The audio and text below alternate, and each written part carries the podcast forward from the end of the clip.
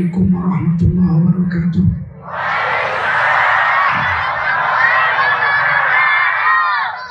Hamdan wa syukran lillah wa salatan wa salaman ala rasulillah wa ala alihi wa sahbihi wa mawala. Allahumma salli ala nabiyyina Muhammadin wa ala alihi wa sahbihi ajma'in. Amma ba'du qala Allah Ta'ala fi kitabihil karim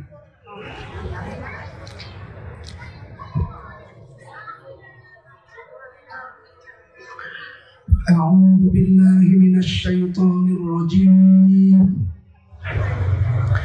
بسم الله الرحمن الرحيم.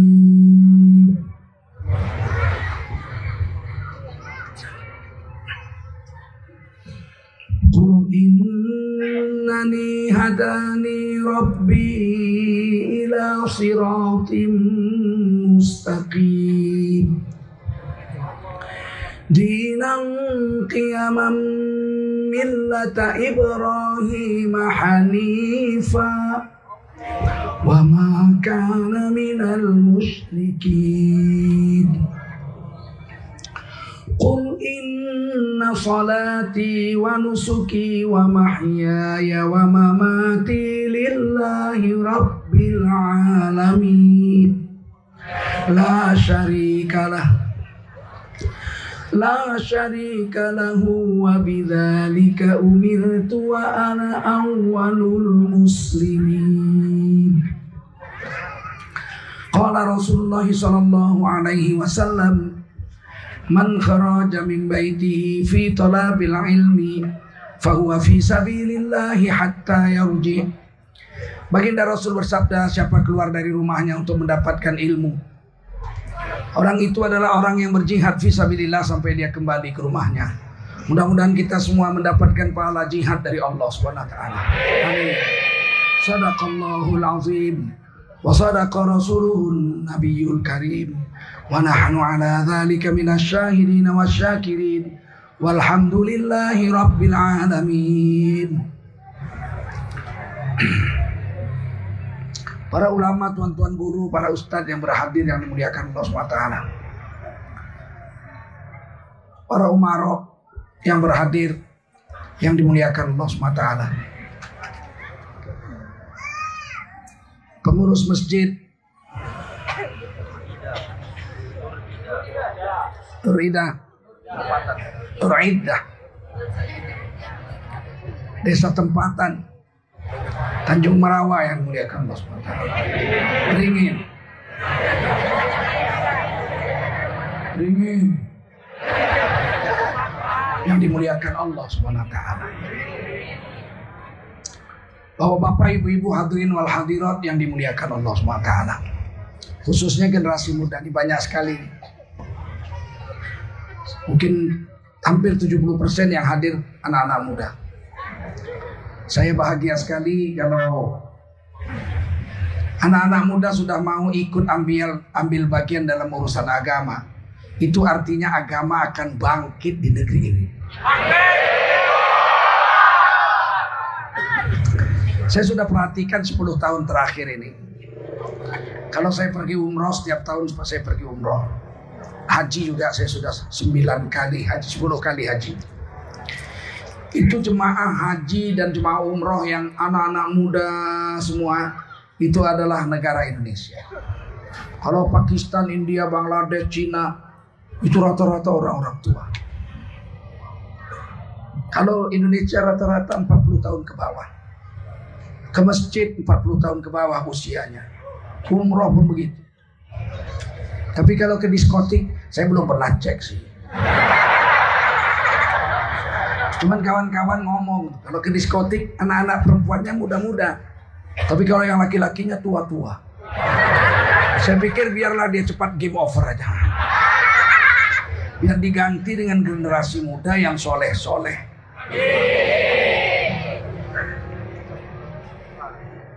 Dulu pun waktu Rasulullah mendakwakan agama di Mekah, itu yang mula-mula masuk Islam itu anak-anak muda.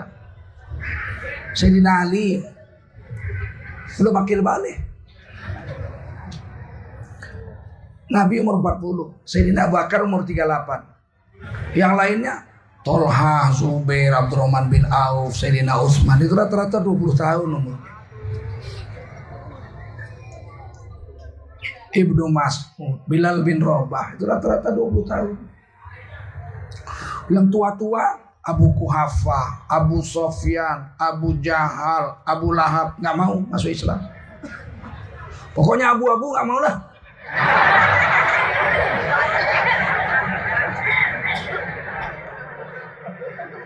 Abu Jan.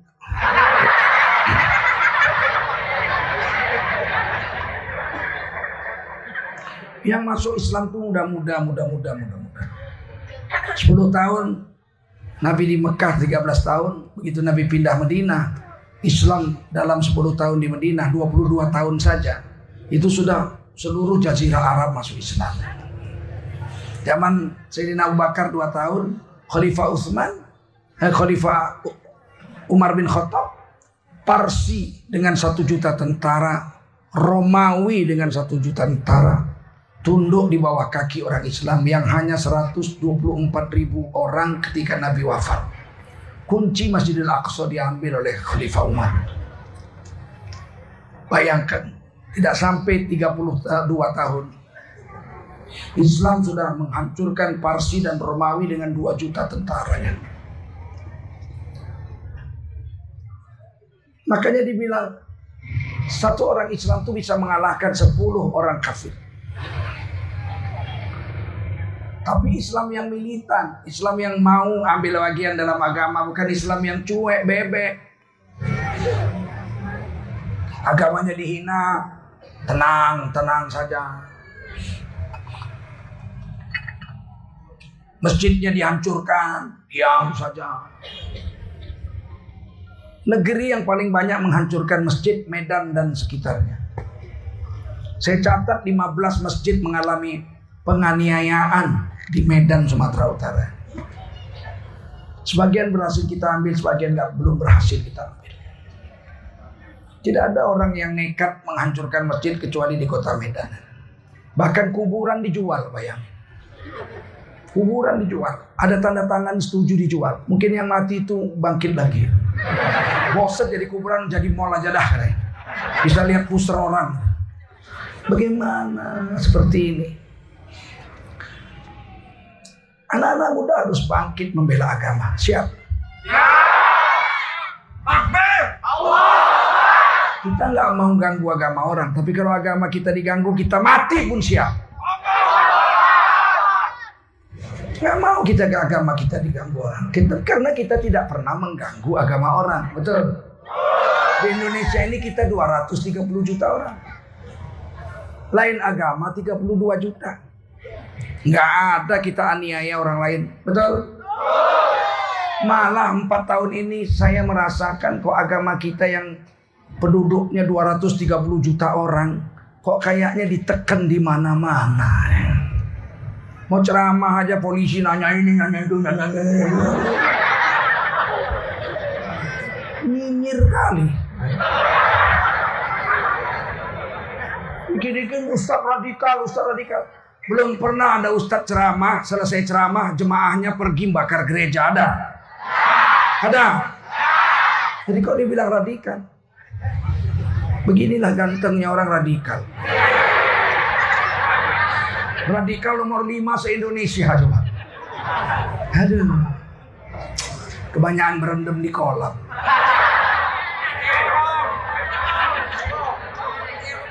Kita ngaji happy-happy aja, betul nggak? Happy-happy aja kita ngaji. Kemarin saya mau ke Tanah Karo. Disebar spanduk menolak kedatangan Ustadz provokator. Saya datang, gak ada yang nolak kalau nyelam semua ke kolam.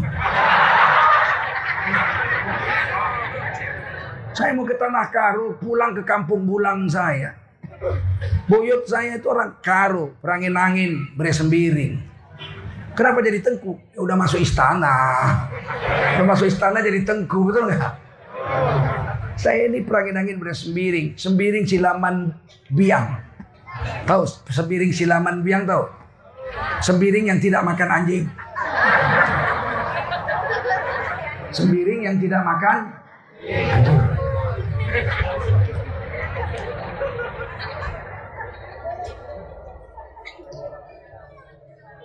Ah, saya bangga. Siapkah anak-anak muda menjaga NKRI? Kita mau NKRI ini abadi sampai hari kiamat. Tidak boleh sejengkal pun tanah air Republik Indonesia ini diambil asing. Tidak boleh sejengkal pun, harus abadi sampai hari kiamat. Kenapa? Karena NKRI ini diperjuangkan kemerdekaannya oleh 100% orang pribumi. Nggak ada orang Jerman ikut perang sini. Betul? Nggak ada orang Inggris ikut perang sini. Apalagi Cina. Iya. Ini negara merdeka dengan usaha sendiri karena rahmat Allah Subhanahu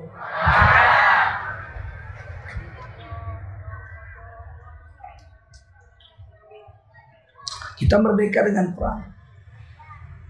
100% orang pribumi. 90 persennya orang Islam. 10 persennya lagi kongsi-kongsi lima agama lain. Maka kalau negara ini diganggu asing yang paling rugi kita orang Islam. Betul? Maka nggak usah dicurigai orang Islam. Akan melakukan pemberontakan khilafah. Khilafah kepala tuh kan.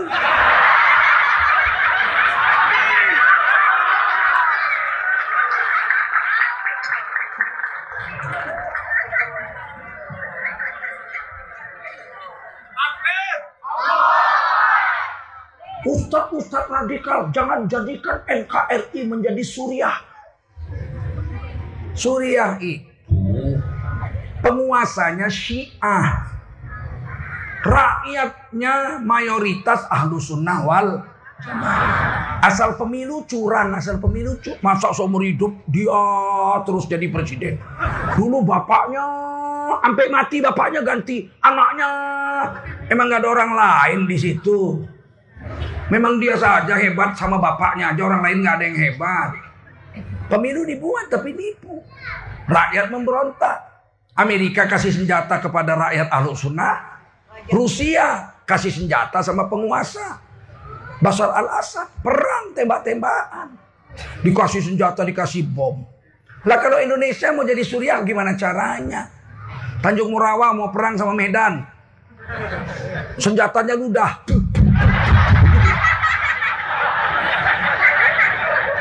Ngomong tuh mau pakai akal kenapa sih? Betul. Tapi yang memang cebong ada akalnya.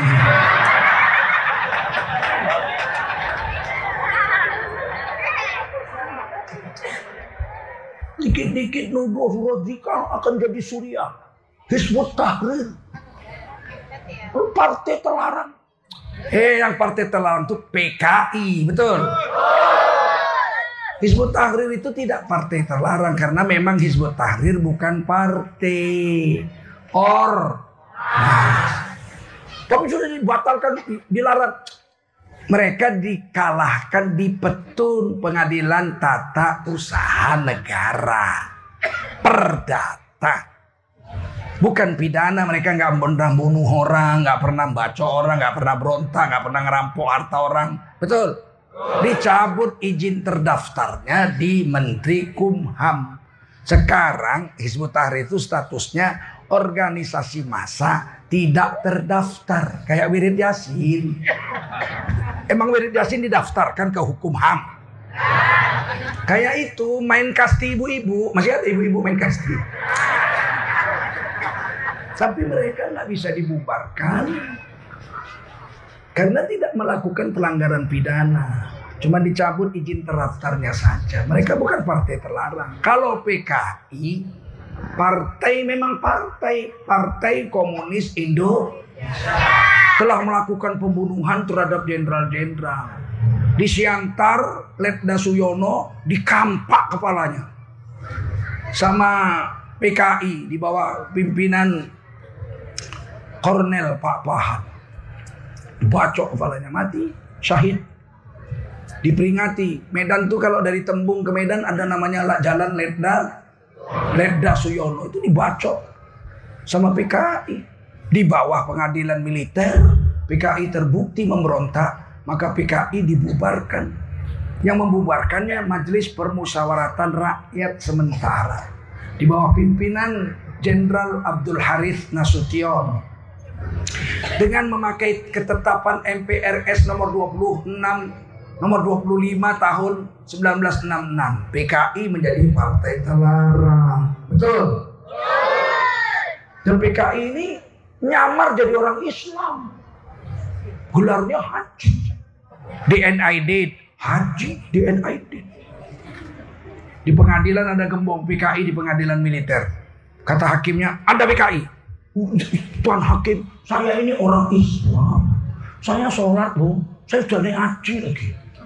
Kata hakimnya, kamu haji? Haji saya. Sholat? Sholat. Sholat subuh berapa rakaat? Enam. Memang PKI kau.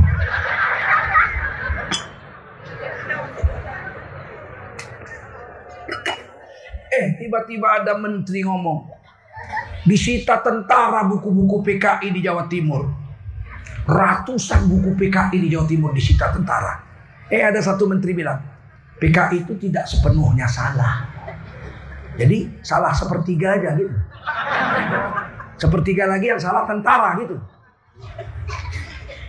Rene kue tak cocok burbunan. Enak aja. Di mana-mana PKI jahat, betul. Di mana-mana komunis itu jahat. Di Cina komunis membunuh 50 juta orang. Di Rusia komunis membunuh 50 juta orang. Di Albania membunuh jutaan orang. Di Kamboja, saya sudah dua kali ke Kamboja. Zaman rusuh-rusuh saya sudah ke Kamboja. Waktu masuk Kamboja dari Thailand itu sudah ditinggal paspor. Di masjid terdekat tinggal saya tulis surat wasiat untuk ibu. Kalau saya mati ditembak komunis, bilang aja mati tabrakan gitu biar ibu saya nggak susah. Alhamdulillah nggak mati. Ternyata di Kamboja itu komunisnya di bawah pimpinan Pol Pot, seorang guru telah membunuh 3 juta orang Kamboja. Suku Lao, suku Khmer, suku Champa. Tiga suku besar. Champa 100% Islam. Khmer sama Lao itu Buddha. 3 juta orang dibunuh. 700 ribu di antaranya orang Islam dari Champa. Saya waktu masuk negeri Champa, Quran saya dibawa keliling kampung. Dicium. Kenapa? Semua Quran dibakar sama komunis. Saya tidak jumpa orang sebaya saya. Yang saya jumpa kakek-kakek 70, 80 tahun. Atau anak-anak umur 6 tahun, 7 tahun ke bawah. Kesupaya saya pasti dibunuh PKI. Dibunuh komunis. Perempuan-perempuan sana janda 700 ribu orang. Saya itu tiap masuk kampung ditawari kawin. Kawin ini kami lah pak, kami ini janda. Uh, 700 ribu. Bapak kawin tiga, kawin tiga lagi, kawin tiga lagi. Ya Allah, saya bilang saya ini orang miskin pegawai negeri, gajinya cuma 200 ribu. Kalau saya kawin sama kamu, saya pulang ke Indonesia nggak jumpa lagi, kita kesian kamu rindu sama saya. Saya nggak mau. Orang Malaysia yang kawan saya kawin, yang datang sama saya orang Thailand kawin tiga, tiga, tiga semua. Itu pimpinan PKI komunisnya di sana itu namanya Pol Pot, itu guru, mukanya culun. Kurus lagi. Tidak mungkin wajah seperti saya ini pembunuh. Tiga juta dibunuh sama dia. Jangan melihat pembunuh itu dari wajahnya. Kalau wajahnya garang, jahat. Belum tentu. Justru yang paling banyak jahat tuh yang mukanya culun. Datang ke rumah kita culun. Besok malam istri kita diganggu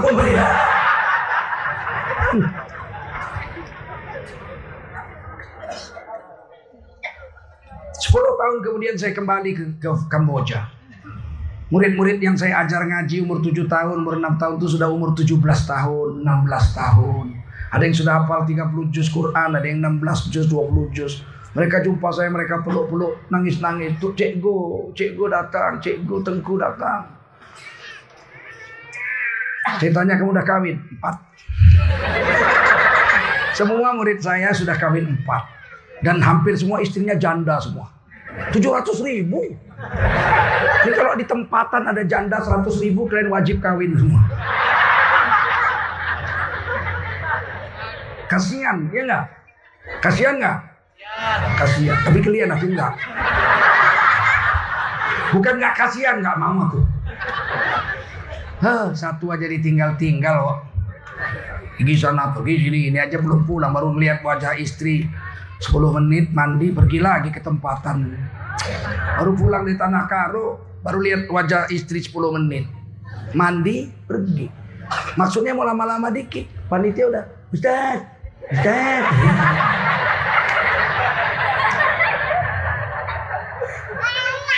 Jangan percaya dengan komunis. Masa komunis di Cina jahat bunuh 50 juta. Komunis di Kamboja bunuh 3 juta. Komunis di Rusia bunuh 50 juta. Komunis di Albania, Eropa bunuh sekian juta. Komunis di Bangladesh, Mujibur Rahman, presiden Bangladesh yang sebaya dengan Bung Karno. Itu ditembak mati semua. Bayi yang di dalam ayunan disembelih. Satu-satunya yang hidup Hashina, Dr. Hashina. Beliau pergi ke Inggris ikut suaminya sekolah. Dia selamat. Ketika saya ke sana tahun 96, Hashina terpilih jadi presiden. Ditangkap semua yang bunuh bapaknya dihukum mati semua sama Hashina. Tiba-tiba di Indonesia PKI itu tidak salah. Batu. Masa di dunia yang lain semua PKI salah, komunis salah, tiba-tiba di Indonesia PKI itu baik, gitu. PKI itu baik baik, tukang ajan, wirid yasin gitu. Jangan percaya sama penipu. Betul? Betul? Jangan percaya sama penipu. Dulu di belakang rumah kita ini semua disuruh bikin lobang letter L. Ada yang sebaya saya, ingat? Belakang rumah kita ada lobang letter L, betul? Alasannya untuk konfrontasi dengan Malaysia mau perang Malaysia kalau datang pesawat Malaysia sembunyi di lubang. Ini untuk nyembelih kita ditanam di situ paham? Untuk keburu sialan ketangkep mereka berontak. Kalau enggak nggak ada tengku lain. Nggak ada tengku lain. Udah dimatiin nih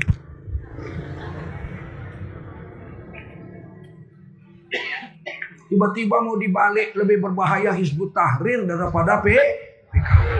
Saya bukan bela Hizbut Tahrir. Saya bukan orang Hizbut Tahrir. Saya ini majelis ulama Indo. Tapi kan kita harus jujur berkata. Betul? Siapa orang yang pernah dibunuh oleh Hizbut Tahrir? Tidak ada. Dan dia cuma dicabut izinnya aja oleh petun pengadilan tata usaha negara. Bukan oleh pengadilan negeri bukan oleh pengadilan militer karena mereka tidak tersangkut perkara pidana. Betul? Sudah paham sampai sini?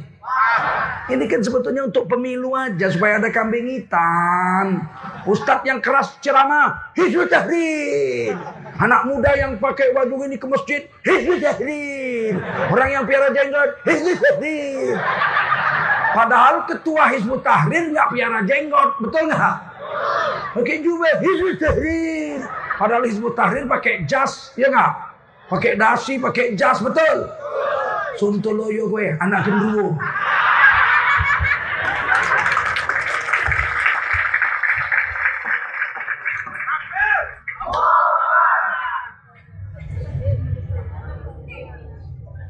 Ketika Indonesia mau merdeka atas janji Jepang, penjajah Jepang, kita dijanjikan mau merdeka. Maka dibentuklah oleh Jepang BPUPKI. Dokuritsu Ziombi Jo Sakai. Masih ingat saya, Dokuritsu Ziombi Jo Sakai. Dibentuk untuk membuat mempersiapkan kemerdekaan Indonesia, Badan Persiapan Usaha Kemerdekaan Indonesia, BPUPKI di bawah pimpinan Dr. Rajiman Sudirohusodo. Tanggal 1 Juni Presiden Soekarno pidato merumuskan lima Pancasila versi Bung Karno. Sila pertama internasionalisme. Sila kelima ketuhanan dan kebudayaan. Itu versi 1 Juni versi Bung Karno. Diperbaiki, diperbaiki. Perbaiki, diperbaiki. Oleh panitia itu Salah satu yang ahli bahasa adalah Muhammad Yamin, sarjana hukum. Menghasilkanlah Pancasila yang ditulis di Undang-Undang Dasar 1945 pada pembukaannya yang masih berbentuk namanya Piagam Jakarta. Bunyinya satu. Ketuhanan koma dengan kewajiban menjalankan syariat Islam bagi pemeluk-pemeluknya. Dua, kemanusiaan yang adil dan kemanusia bahasa Arab, adil bahasa Arab, adab bahasa Arab. Tiga, persatuan Indonesia. Empat, kerakyatan yang dipimpin oleh khidmat kebijaksanaan dalam permusyawaratan garis miring perwakilan. Kelima, keadilan sosial bagi seluruh Indonesia. Itu pembukaan Undang-Undang 45 yang namanya Piagam Jakarta. Itu Pancasilanya begitu. Beda dengan Pancasila 1 Juni versi Bung Karno nomor satu internasionalisme, nomor lima ketuhanan dan kebudayaan. Tanggal 17 Agustus kita merdeka. 18 Agustus harus diumumkan undang-undang dasar. Maka pada malam 18 Agustus 17 Agustus merdeka malamnya Panitia Persiapan Kemerdekaan Indonesia PPKI membuat sidang untuk menentukan undang-undang dasar yang akan dipakai. Yang disetujui adalah Undang-Undang Dasar 1945. Pancasilanya yang di Piagam Jakarta itu. Dr. Maramis dari Timur, Indonesia Timur, keberatan Sembilan orang panitia PPK itu satu dari timur dokter Maramis orang Nasrani dia keberatan. Dia bilang sama Bung Karno jangan dibawa-bawa Islamnya lah. Kita kan negara kita kan bukan negara agama. Nah, negara kita jadi kalau bisa ketuhanan dengan kewajiban menjalankan syariat Islam bagi pemeluk-pemeluknya itu dicoret tujuh kata itu. Ki Bagus Hadikusumo dari Muhammadiyah menolak. Udah nggak usah merdeka aja kalau begitu. Kalian nggak usah ikut kami. Kami mau bikin negara Islam Indonesia. Di lobi sama Bung Hatta. Bung Hatta itu kan ulama. Walaupun sekolah Belanda. Orang Minang tuh kan zaman dulu tidurnya semua di surau. Betul? Tidak ada orang Minang tidur di rumah. Sama dengan Aceh. Dulu laki-laki Aceh dulu. Dulu. Semua tidur di masjid. Kalau ada laki-laki Minang atau Aceh tidur di rumah, orang Minang tidur di rumah laki-laki, besok dia jadi kawannya padusi waang, padusi waang. Perempuan kue. Bung Hatta itu alim, ngerti agama dengan baik. Pokoknya kalau baca Quran fasih lah. Zaman itu maling ayam aja kalau dari Padang pandai baca Quran. Zaman sekarang udah haji aja salah. Lah kalau kalau kata ilah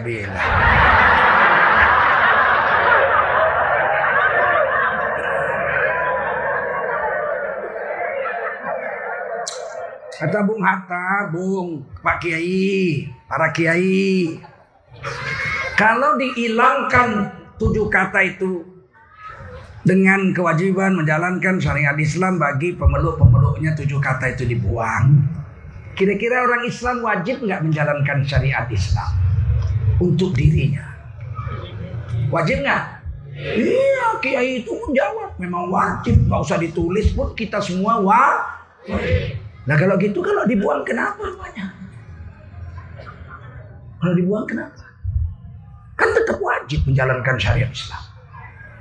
Nah udahlah kalau gitu buang, setujulah. Singkat cerita setuju, tapi ketuhanannya ditambah. Ketuhanan yang maha esa. Kul huwallahu wa ilahukum ilahu lahir. Tuhanmu adalah Tuhan yang esa. Ayat Quran setuju masuk tanda tangan 18 Agustus diumumkan besoknya. Undang-Undang Dasar Negara Indonesia adalah Undang-Undang Dasar 1945. Pancasilanya yang ada di pembukaan adalah pembukaan yang kita pakai sekarang. Ketuhanan yang Maha Esa, kemanusiaan yang adil dan beradab ke, ke Indo kerakyatan yang dipimpin oleh khidmat kebijaksanaan dalam persyaratan garis miring perwakilan dan yang kelima keadilan sosial bagi seluruh Indonesia. Saya perlu garis bawahi Pancasila kita adalah Pancasila 18 Agustus 1945 bukan Pancasila 1 Juni 1945. Sekarang kan sudah ribut tuh. Mari kembali ke Pancasila 1 Juni. Kembali ke Pancasila 1 Juni. Hari kesaktian Pancasila 1 Juni. Kalau Pancasila 1 Juni nggak ada ketuhanan yang Maha Esa. Yang ada nomor 5 ketuhanan dan kebudayaan. Ternyata DPR belum mengubah sampai sekarang. Tetap aja versi 18 Juni. Kemudian karena konstituante gagal, MPR zaman Bung Karno hasil pemilihan umum 1955 gagal membuat undang-undang dasar yang baru. Bung Karno mengeluarkan dekrit presiden tahun 1959 mengembalikan ke undang-undang dasar 45. Itu konstituante MPR itu masih ada umurnya setahun lagi sampai 1960 karena pemilunya 1955 kan lima tahun sekali. Tapi Bung Karno membubarkan konstituante dengan dekret 5 Juli 1959. Konstituante bubar setahun lagi masa kerja. Kemudian kembali ke Undang-Undang Dasar 45. Pancasilanya versi 18 Agustus 1945 bukan 1 Juni. Sayangnya kemudian terjadi apa? Ini yang perlu Anda tahu semua. Anak-anak muda ini maka saya senang nih ceramah ini.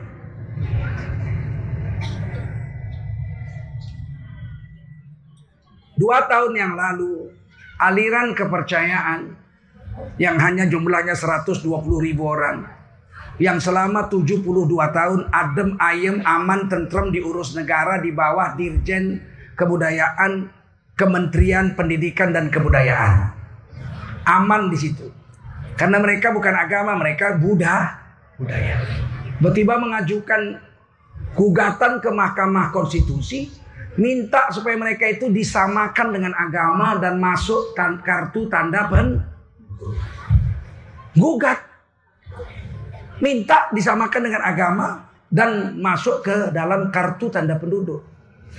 Saya wakil sekjen MUI dalam sidang Majelis Ulama Indonesia kita membuat surat resmi ditandatangani oleh Kiai Haji Ma'ruf Amin. Dengan Sekjen Buya Anwar Abbas. Dikirim ke presiden, kirim ke menteri dalam negeri, kirim ke menteri Kumham, dikirim ke DPR RI, dikirim kita mengingatkan bahwa aliran kepercayaan bukan agama dan tidak layak masuk KTP serupa dengan agama, setara dengan agama. Sebab agama itu dia paling tidak punya tiga ciri-ciri. Berapa? Paling tidak. Yang pertama dia punya kitab suci. Kristen ada Injil, kalau Islam punya Quran, kalau Buddha punya Weda. Yang kedua dia punya nabi. Islam nabinya Nabi Muhammad. Kalau Kristen nabinya Nabi Isa. Kalau Buddha nabinya Buddha. Siddhartha Gautama. Yang ketiga harus punya syariat, aturan agama. Kalau kita syarat nikah, nikah talak rujuk, syarat sholat, rukun sholat, ada kan aturannya? Mesti ada. Mereka nggak punya. Kitab sucinya apa aliran kepercayaan? Nggak punya. Nabinya siapa? Nggak ada. Aturan syariatnya ada nggak? Maka dia tidak boleh masuk KTP setara dengan agama. Tiba-tiba apa yang terjadi? Di Mahkamah Konstitusi mereka menang, kita kalah. 230 juta rakyat Indonesia Islam.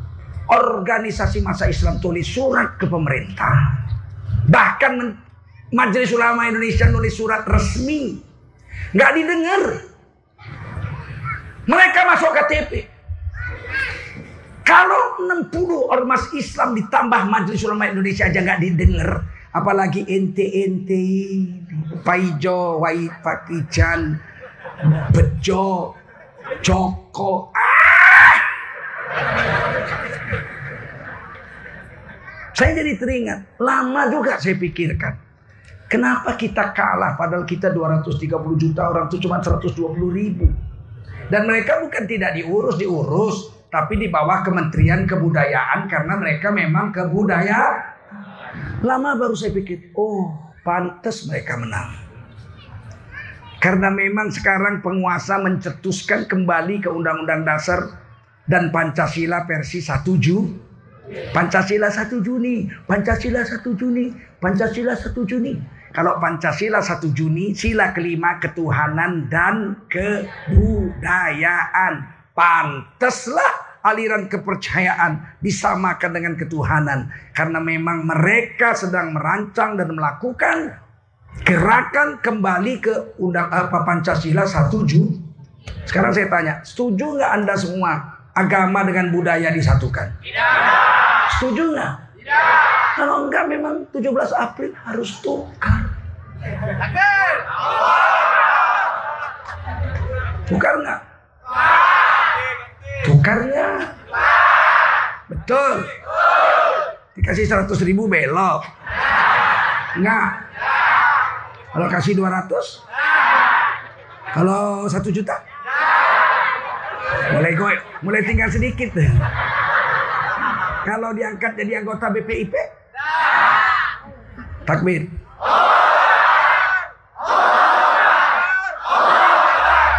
Mudah-mudahan rahmat Allah turunlah di tempat. Berkahlah anak cucu kita sampai hari kiamat. Yang begini-begini ini orang tuh benci. Penebar kebencian. Tukang hoak. Ceramah itu harus adem. Adem, sejuk, adem. Eh kalau mau sejuk kau masuk kulkas. Sama otak-otakmu beku.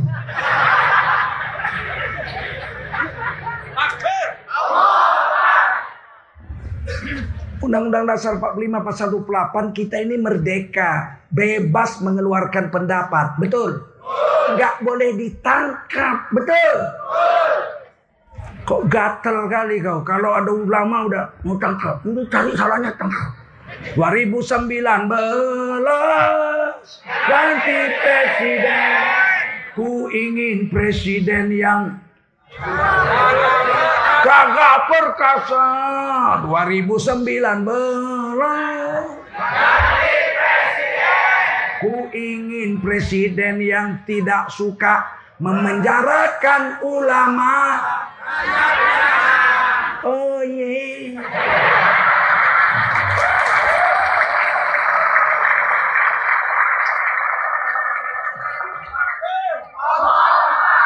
Ini enaknya kalau takbir akbar itu di luar masjid. Variasinya lebih enak. Bisa mati kanan kiri.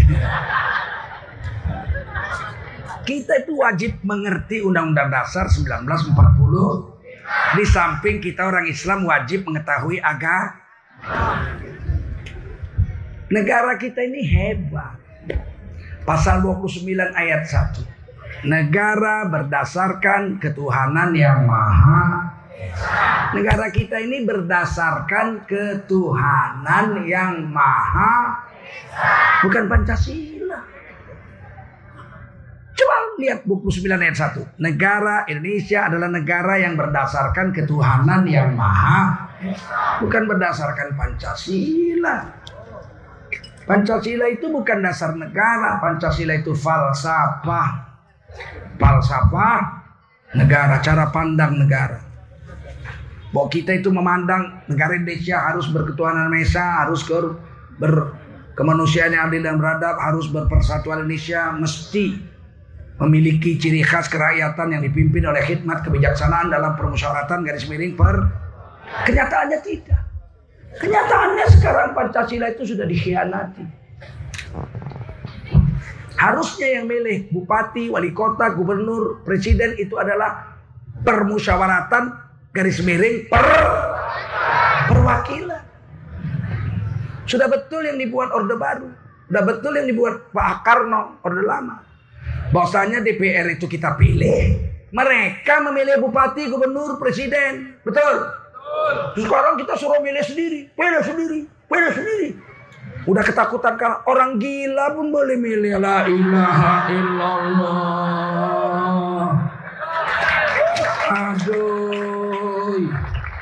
Eh, Profesor Doktor hafal Quran 30 juz, solehnya bukan main, nyoblos cuman berhak satu suara, sama suaranya sama orang gila.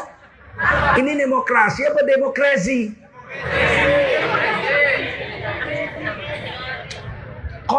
kardus. Kemarin direndam air laut nggak apa-apa. Saya heran juga, uh, kardus masuk air laut nggak apa-apa. Ini kardus sakti. Rupanya dibungkus plastik. Wow!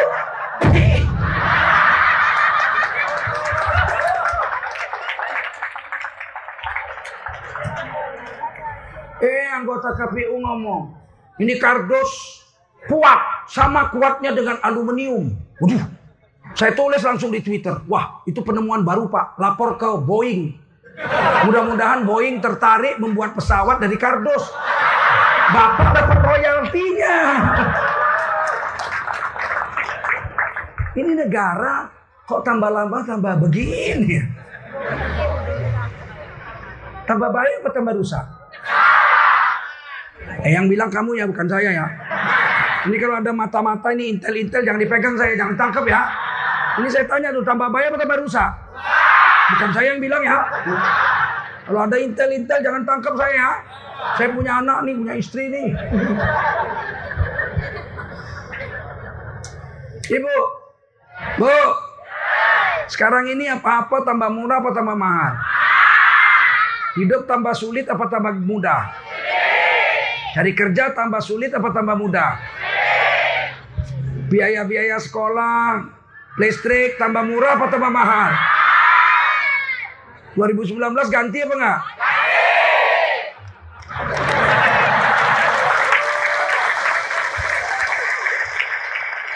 Ini kalau lidah ibu-ibu bilang begini ngeri.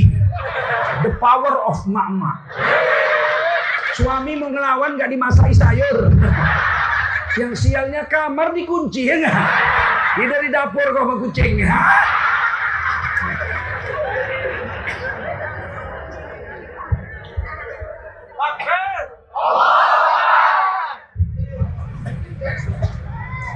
Yang membuat kerusakan kesalahan itu mengatakan Pancasila dasar negara adalah Sudarnoto seorang pengarang lagu dari Lekra, Lembaga Kesenian Rakyat di bawah underbonya PKI.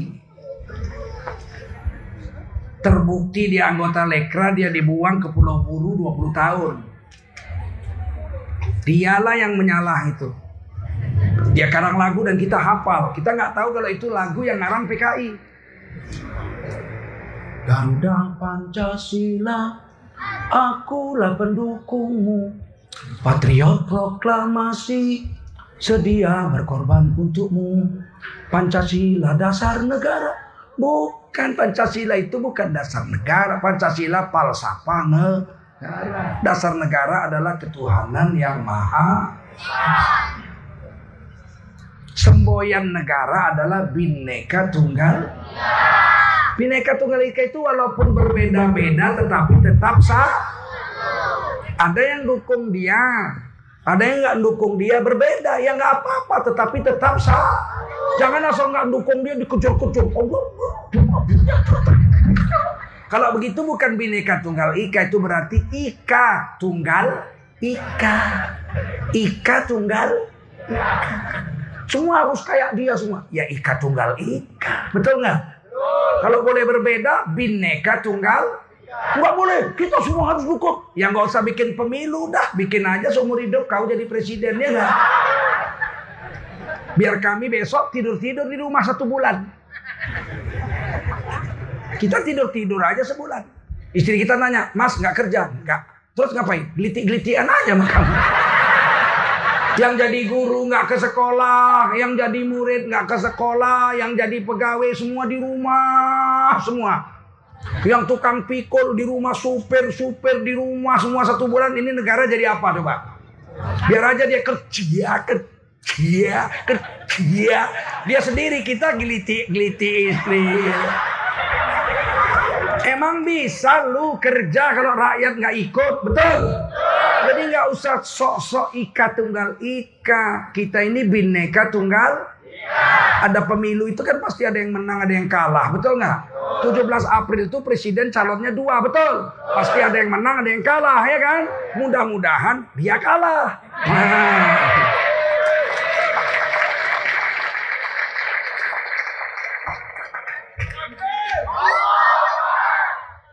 Ah, Ah, udah, itu mukaddimah.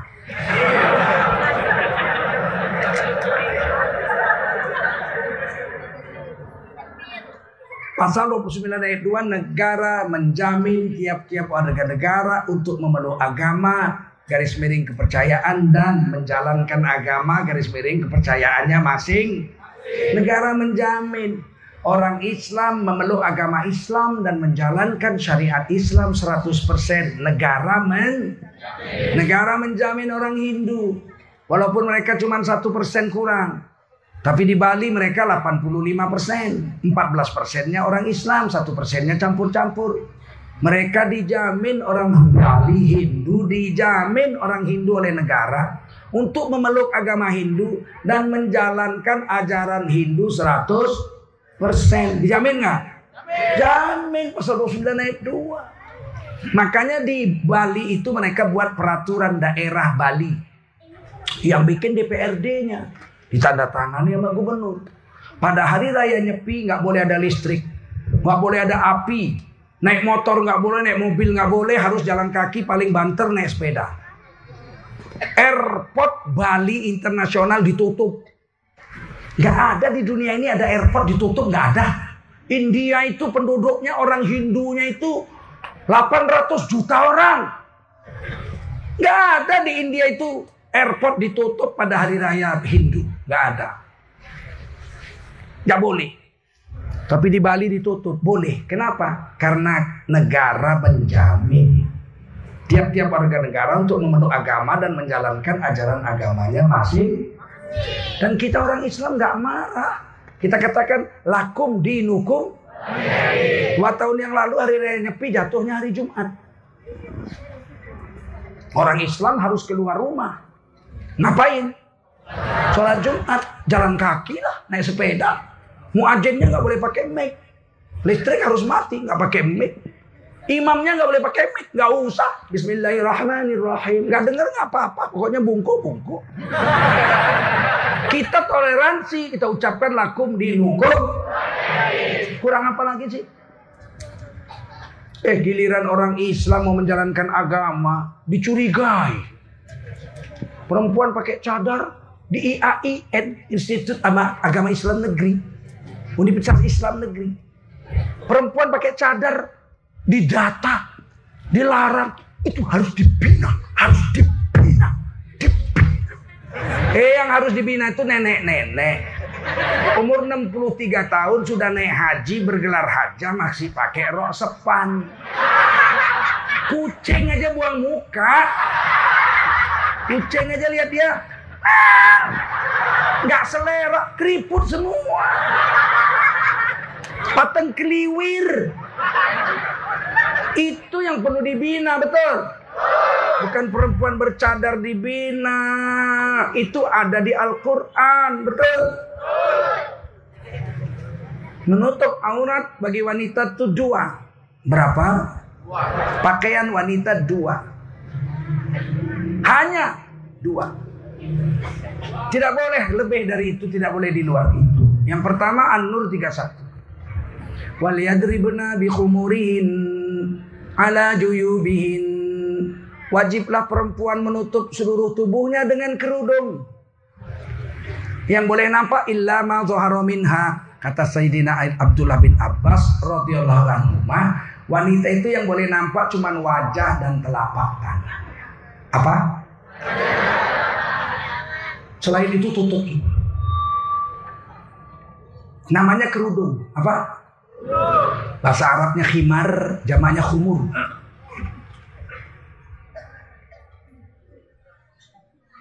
Tiba-tiba, nah ini harus tahu. Kerudung itu nampak muka, nampak tangan. Tapak tangan. Tapi ala juyubihin harus terjulur sampai dadanya. Kalau ada perempuan pakai kerudung dililitkan di lehernya kayak ular kobra.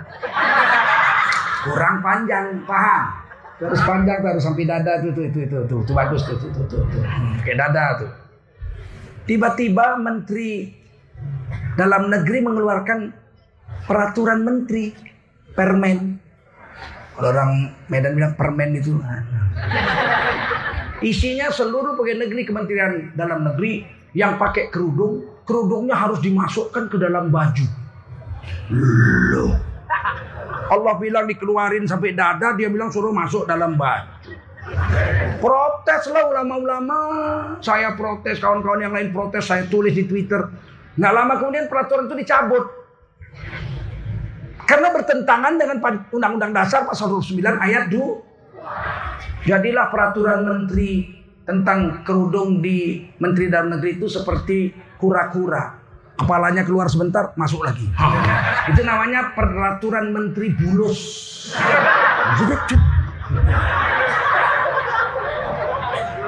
Apakah kita harus diam? Atau protes? Diam apa protes? Protes karena dia melanggar Undang-Undang Dasar 45 pasal 29 ayat 2. Negara menjamin perempuan pakai kerudung. Ala juyubihin sampai dadanya disuruh masukin ke baju. Hihi. Suntulu. Kalau kita protes itulah yang nggak senang mereka tuh. Jadi ustadz tuh ceramah tuh harus adil.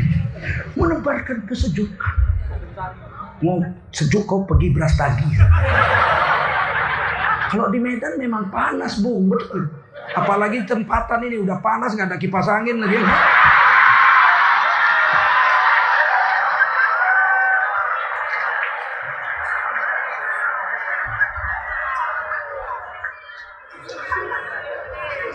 Nah, tenang aja panitia.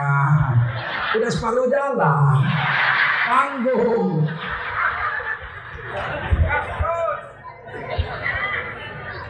Pakaian wanita yang pertama adalah keru. Yang kedua adalah jilbab. Surah Al-Ahzab ayat 59. Ya ayyuhan nabi, hai nabi alaihi salam. Qul li azwajika wa banatika wa nisa'il mu'minin. Katakan kepada istri-istrimu, anak perempuanmu, dan seluruh istri orang beriman sampai hari kiamat. Yudnina alaihinna min jalabibihin. Wajiblah mereka menjulurkan jilbab-jilbab mereka menutupi seluruh tubuh mereka.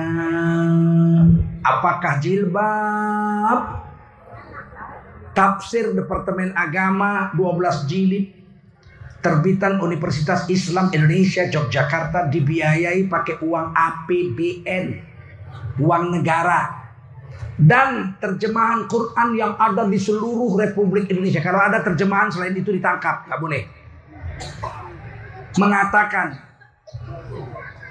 Al-Ahzab 59, jilbab adalah titik dua sejenis baju kurung yang longgar yang dapat menutup kepala wajah dan dada. Ikuti semua, menutup kepala, wajah dan dada. Apa namanya itu? Jilbab bahasa Indonesia apa itu? Apa? Cadar itu ada di buku Quran, buku cetakan Quran milik Kementerian Agama Republik Indonesia. Resmi. Tiba-tiba IAIN bilang, yang bercadar itu harus di Berasa matanya buta, nggak baca itu kitab. Jadi buat apa dicetak itu tafsir terjemahan bermiliar-miliar uang negara? Kalau nggak diamalkan dan diaman, dijalankan oleh yang membuat tafsir itu yaitu Kementerian Agama Republik oleh karena itu perempuan suruh milih pakai baju kerudung nampak wajah atau cadar tutup Al-Azab 59. Jangan ibu-ibu yang sudah pakai kerudung jumpa perempuan pakai cadar ngejek pula. Batman. Ninja. Eh dia ngamalkan Al-Azab 59, ibu ngamalkan An-Nur 31 dan itu dijamin oleh negara. Betul. Kan enak hidup di Indonesia ini kan. Sebetulnya kan kita baik-baik kan. Yang ribut kan muncungnya dia itu kan. Tiba-tiba kita yang disalahkan. Ini kalian panitia kok panggil-panggil Tengku Zulkarnain. Itu kan terkenal. Ustadz radikal. Bilang nomor lima bilang. Nomor lima tingkat nasi. Aneh orang cerita hukum undang-undang dasar 45 kita bahas, kita bahas Quran hadis. kok kita dianggap keliru. Yang memprotes kita itu yang otaknya perlu dicocok bun-bunani, betul nggak?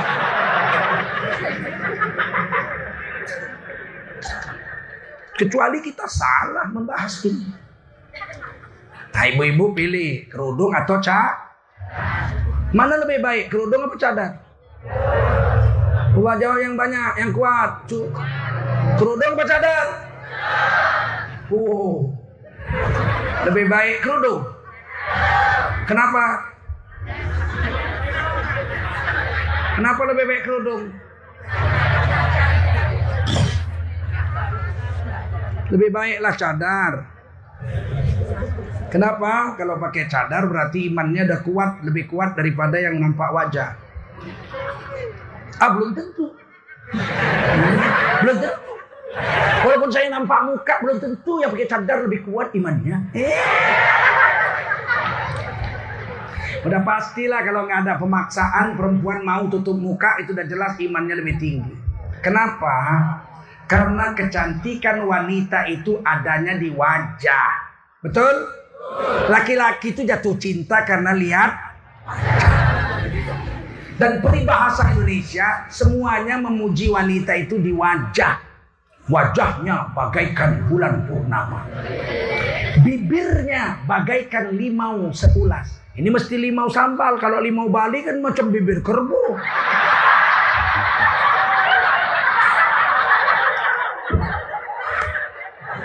Matanya bagaikan bintang kejora. Dagunya bagaikan lebah bergantung. Giginya, ini yang ngeri. Giginya, gigi di mana sih? Di wajah apa di dengkul? Giginya bagaikan biji mentimun. Ngerinya lah itu runcing-runcing gitu. Diambil rapinya, rapi, rapi. rapi. Alisnya seperti semut beriring. Pipinya seperti pauh di layang. Seperti mangga ditiup angin. Apa nggak ngences itu? Ternyata wanita itu kecantikannya semua ada di dan laki-laki jatuh cinta itu karena wajah. Tahun 60-an ada lagu keroncong terkenal. Namanya Terkenang-kenang. Terbayang-bayang wajahmu dengan rupa yang manis. Gak ada lagunya jadi terbayang-bayang dengkulmu.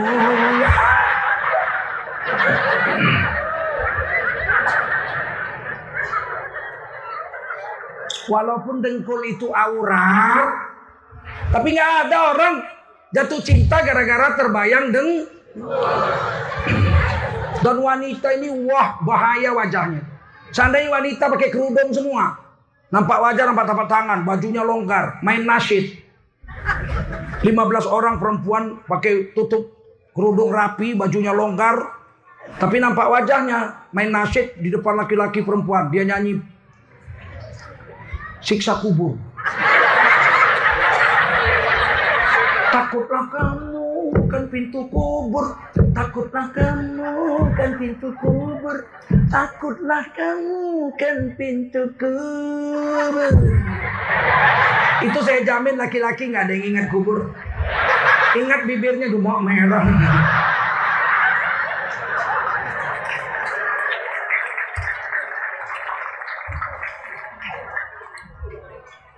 Kalau begitu wanita itu bahaya wajahnya, betul?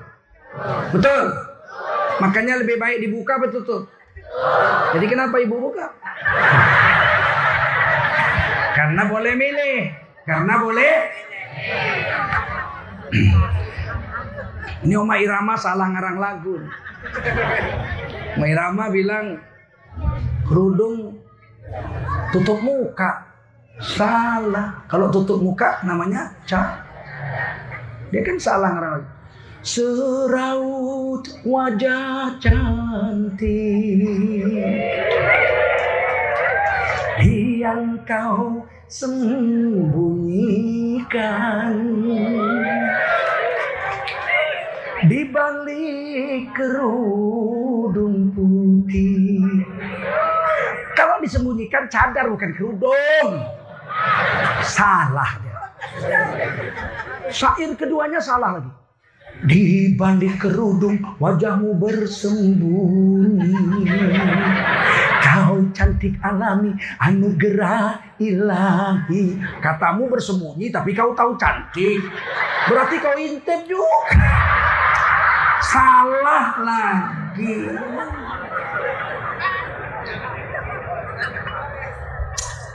Makanya kalau ngarang lagu terus tanya ulama ya Mairama banyak salah lagu. Tapi ada yang bagus lagunya. Ada yang bagus sekali. Saya dengar di kapal. Saya nyebrang dari Batam mau ke Singapura. Ada orang ngamen pakai karaoke. Sekali denger lengket langsung tuh bagus tuh lagu Bukannya gunung cereret cek cek cek tempat kau meminta bukan lautan. Cererek cek cek cek tempat kau memuja Bukan pula dukun tempat kau menghibah. Bukan kuburan tempat kau memohon doa.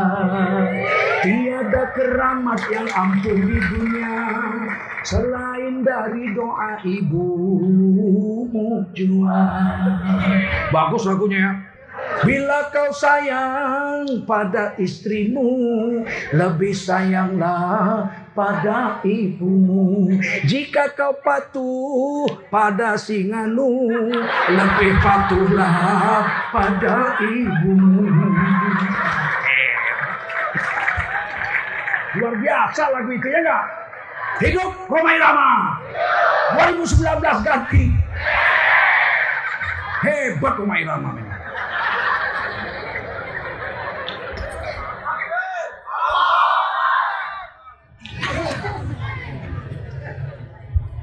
Jadi memang pakaian wanita itu ada dua dan kita dilindungi oleh Undang-Undang Dasar 45 pasal 29 ayat 2. Gak boleh dilarang.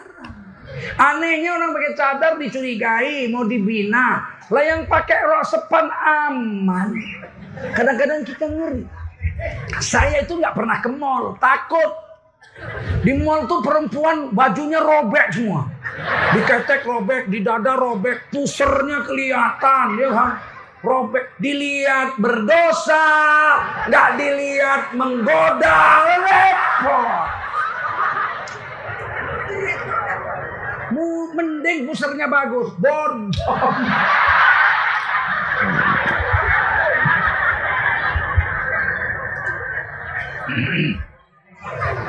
Kok sekarang ini empat tahun ini yang dicurigai selalu yang bau-bau Islam, betul nggak? Lah yang aman. Ustadz ceramah, cari-cari salahnya. Ada mata-mata duduk. Giliran udah jelang-jelangan salah menghina agama, aman. Cari konde, ibu Indonesia.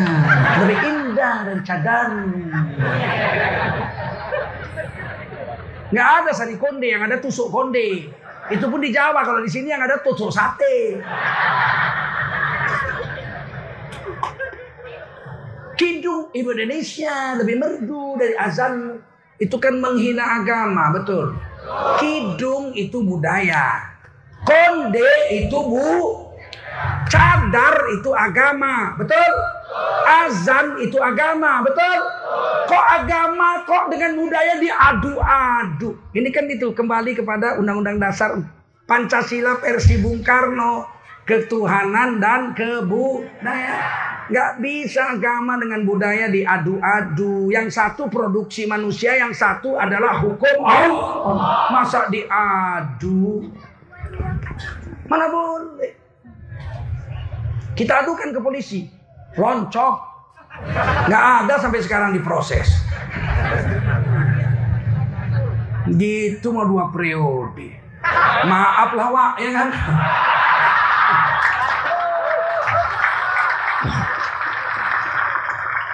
Sedangkan budayanya emang budaya kalau diadu marah orang. Betul nggak? Budaya dengan budaya diadu orang marah. Budaya Aceh tentu bagi orang Aceh yang paling bagus budaya Aceh enggak? Assalamualaikum Waalaikumsalam Enak nggak? Enak orang Aceh bilang enak Coba kita bilang apa itu sakit mukul-mukul badan? Kalau nggak direncong kau. Itu budaya orang nggak boleh dihina, betul nggak? Bagi orang Minang, itu yang paling enak budaya Minang. Dulu di RRI itu ada itu budaya-budaya Minang, budaya Jawa, seminggu sekali.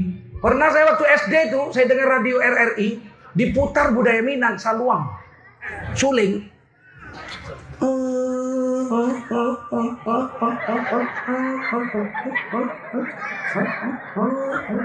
Saya dengerin gitu kan. Syahdu sekali, senang sekali saya. Kawan saya bilang apa? Ngapain? Kue ngapain ngurungokno suling mogok? Bilanglah saruang Minang tubuh suling mogok kalau nggak dibaca orang tuh. Budaya saja nggak boleh diadu, betul nggak? Tentu orang Jawa bilang sing paling enak ya budaya Jawa. Dung tang tang kling, dung tang tang tung, dung tang tang kling, dung tang tang tung, ketele menclok nang jendela. Aceh bilang, oh, apa itu ketek-ketek? Budaya aja nggak boleh diadu domba, betul? Ini dia menghina, dia diadunya budaya dengan agama. Pantaskah orang Islam tersinggung? Dan kenapa harus yang diadunya dengan dengan Islam saja, dengan cadar, dengan azan, kok nggak dengan yang lain? Betul? Ini kan ada sesuatu. There is something wrong. We just have to understand that there is something wrong during these four years, ya enggak? Eh saya kalau bahasa Inggris bagus. Nggak mungkin it is it is time to pre up. Oh no way.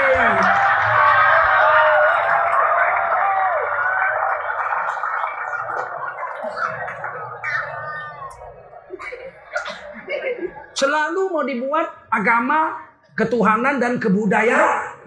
Sehingga 20 tahun yang lalu istana negara mengadakan Isra dan Mi'raj.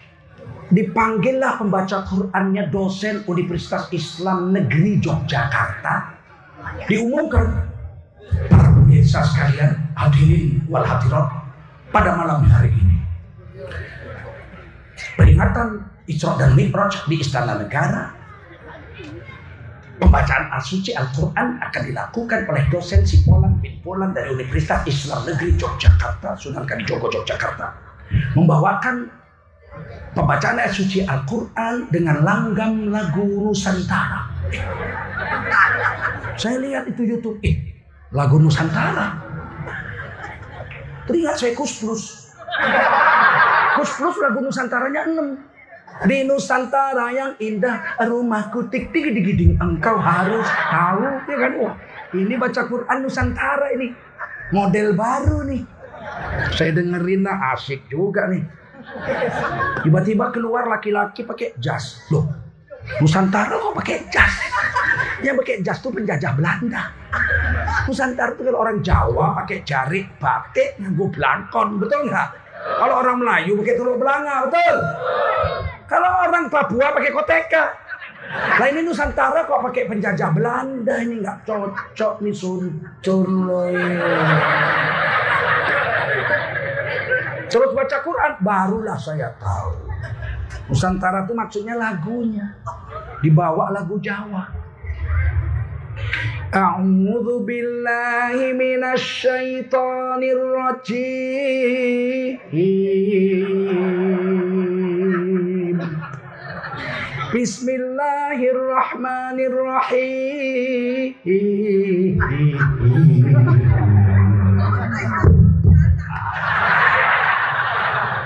Oh, Nusantara itu maksudnya lagu Jawa.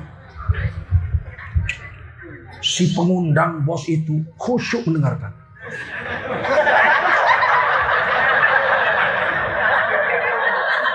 Menteri Agama lihat bosnya khusyuk langsung.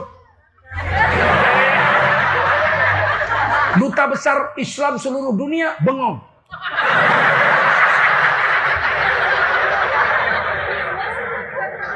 Saya jengket, mau saya banting handphone saya. Aduh, kalau handphone pinjam ku banting. Kira-kira dua minggu kemudian Menteri Agama pidato. Pada penutupan seleksi tilawatil Quran nasional di Manado. Kita sudah siapkan dana dan kita akan segera melaksanakan musabakoh tilawatil Quran tingkat nasional dengan membawakan langgam lagu-lagu Nusantara.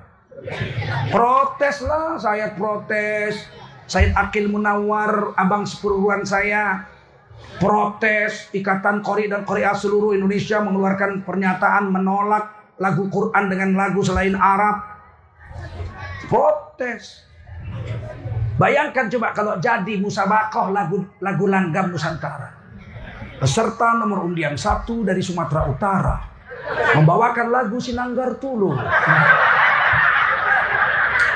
Sinanggar tulo tulo tulo Alhamdulillah Rabbil alamin.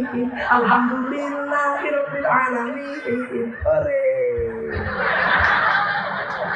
Peserta nomor dua dari Jawa Barat membawakan lagu Manuk Dadali. Manuk Dadali. Alhamdulillahi Rabbil Alamin. Ar-Rahmanir-Rahim Maliki Yaumiddin serta nomor tiga dari Jawa Tengah membawakan lagu Bengawan Solo. Bengawan Solo. Alhamdulillahi Rabbil Alamin. Dari Betawi, Batavia, DKI Jaya membawakan lagu Ratapan Anak Tiri. Betapa malang nasibku semenjak ditinggal ibu. Alhamdulillahi Rabbil Alamin Ar-Rahmanir Rahim Ore Peserta berikutnya dari Sulawesi Selatan membawakan lagu Angin Mamiri. Angin Mamiri ku pasang. Alam nasroh laka sodro Wa wadokna angka wizro Alladhi angkodo zohro. Dari Sumatera Barat membawakan lagu Barana Ampe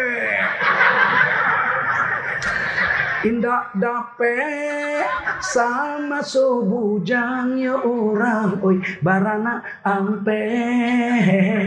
Dan nanti ju dan nanti ju. Wadduha walaili idha saja.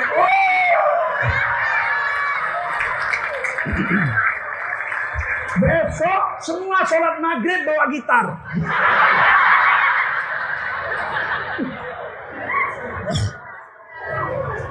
Ini bukan nggak disengaja, memang udah diarahkan Pancasila 1 Juni, ketuhanan dan kebudayaan. Sedangkan budaya saja sama budaya kalau nggak matching, nggak matching, nggak cocok, ditolak orang. Betul? Lagu Minang tuh baru enak kalau cengkoknya cengkok Minang. Saya kasih contoh mau? Ya, biarpun suara serak kita cobalah ya. Hujan Jikalau hujan Hati dan ibu Takkan masuk Kisah lamu Masuk sepayung Kita berdua. Enak. Bayangkan lagu Minang Logatnya logat Batak. Hujan Kau nggak dilempar orang kau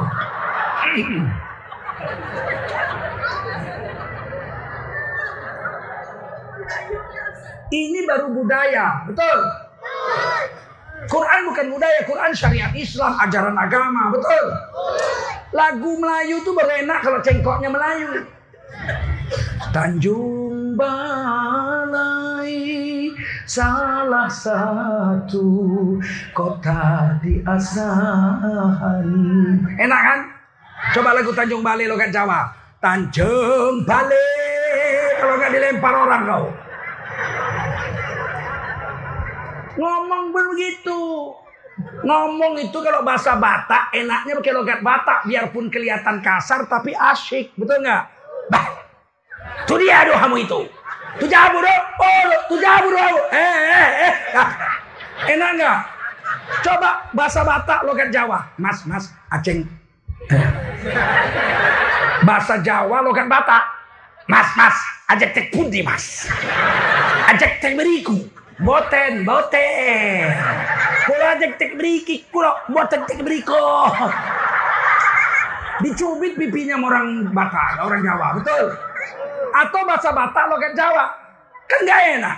Bah, itu dia doamu itu. Nah, itu logat Batak enak. Coba bahasa Batak logat Jawa. Bah, itu dia doamu itu. Itu jabu doamu. Itu jabu do. Holo, holo. Tahu itu jabu doamu. Enak gak? Budaya aja nggak enak apalagi agama. Quran itu bahasa Arab. Inna anzalnahu Qur'anan Arabiyya la'allakum taqilun. Sesungguhnya Quran itu kami turunkan dalam bahasa Arab agar kau pakai akalmu. Pakai akalmu. Mau Quran bahasa Arab kok dipakai lagu lain dari Arab. Tidak cocok. Tartilil Quran tartila. Bacalah Quran sebagaimana Nabi menerimanya dari malaikat Jibril. Begitu dibaca. Nggak mungkin kan malaikat Jibril jumpa Nabi Muhammad. Nabi Muhammad orang Arab. Betul. Nurunkan Quran pakai lagu selain Arab. Qul ya ayyuhal kafirun La a'budu ma ta'budun Wala antum abidu nama Mungkin. Mungkin. Dikeplak malaikat Jibril. Waratilil Qur'ana tar. Saya tanya almarhum guru saya Syekh Azra'i Abdul Rauf. Di dalam hadis Rasulullah ketika jadi imam membaca surah Wattini wa Zaitun. Tidak ada imbangnya. Rasulullah yang paling indah membaca Al-Quran Wattini wa Zaitun kalah sahabat yang lain. Saya tanya guru saya, lagu apa? Lagunya lagu apa? Mau dibilangnya ratapan anak tiri. Enggak. Dibilangnya lagunya lagu Nahwan. Lagu Nahwan. Bismillahirrahmanirrahim. والتين والزيتون وطور سينين وهذا البلد الأمين. لقد خلقنا الإنسان في أحسن تقويم. ثم رددناه أسفل سافلين إلا إلا الذين آمنوا وعملوا الصالحات فلهم أجر غير ممنون فما يكذبك بعد بالدين أليس الله بأحكم الحاكمين itu lagu Nahwan enak nggak dan harus kita menjaga agama ini. Kalau bukan kita yang jaga agama, siapa lagi? Betul. Kalau mereka memang begitu, rusak pun nggak peduli dia. Kita nggak mau agama kita rusak. Langkahi dulu mayatku baru rusak agamaku.